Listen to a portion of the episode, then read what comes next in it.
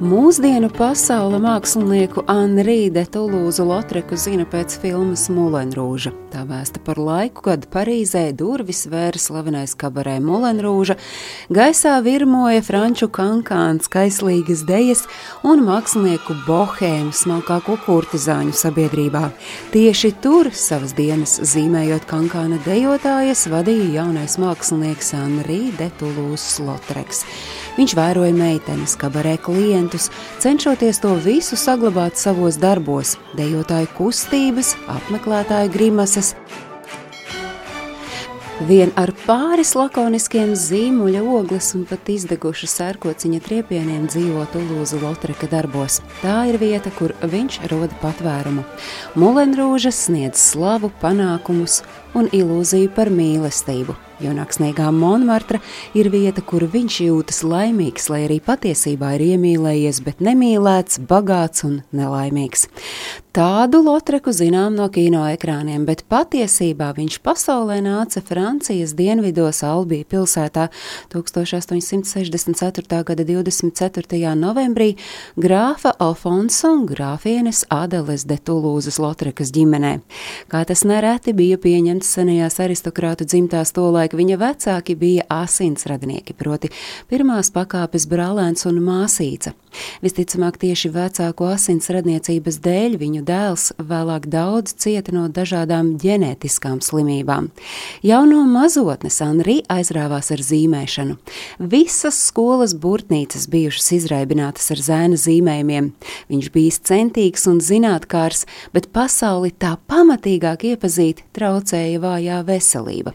Turklāt pusauģa vecumā Anri ar nelielu laika atstatumu salauza abas kājas. Tie bija smagi lūzumi, kuriem kārtīgi nesadzīstot zēna kājas pārstāja augt.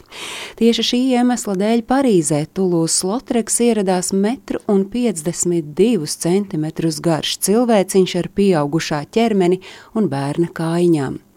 Šī iemesla dēļ viņš piedzīvojis nepārtrauktu sabiedrības nicinājumu, pat viņa tēvs no dēla novērsās. Bet, iespējams, pateicoties savam mazajam augumam, Tulūzs kļuva par mākslinieku, Nespējot piedalīties nodarbēs, ko baudīja normāla auguma vīrieši, viņš pilnībā nodevās mākslai. Tai viņš veltīja visu savu dzīvi, kļūstot par vienu no ievērojamākajiem postimpresionisma gleznotājiem. Viņš bija tas, kurš atveidoja 19. gadsimta beigu parīziešu bohēmisko dzīvesveidu.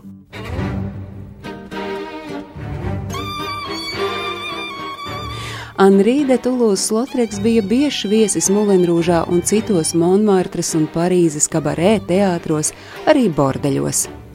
Tieši šais vietās viņš portretēja dzīvi, kļuvis par pastāvīgu bordeļa iemītnieku un dzīvojot dienā līdzās kurtizānēm un dejotājām, viņš ar laiku kļuva par viņu uzticības personu. Viņš bija tas, kuram varēja atklāt lielākos noslēpumus. Tāpēc arī Anrī Tulūzs de Lotreks bija liecinieks visintīmākajiem brīžiem bordeļos. Tas mākslinieku iedvesmoja, un tieši tas iespējams viņa zīmējumos un gleznās ienesa daudz lesbisku ainu tēlojumu. Pats mākslinieks lielāko mūža daļu dzīvojis kā nelabojams alkoholiķis.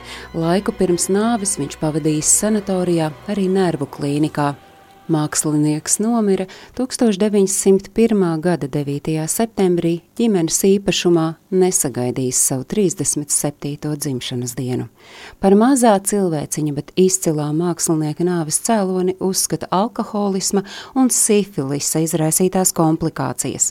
Runā, ka viņa pēdējie vārdi bijuši vecais muļķi, un šis neglēmojošais izsauciens bija adresēts Anrī tēvam, kad tas pūlējies nosist mušu dēla istabā.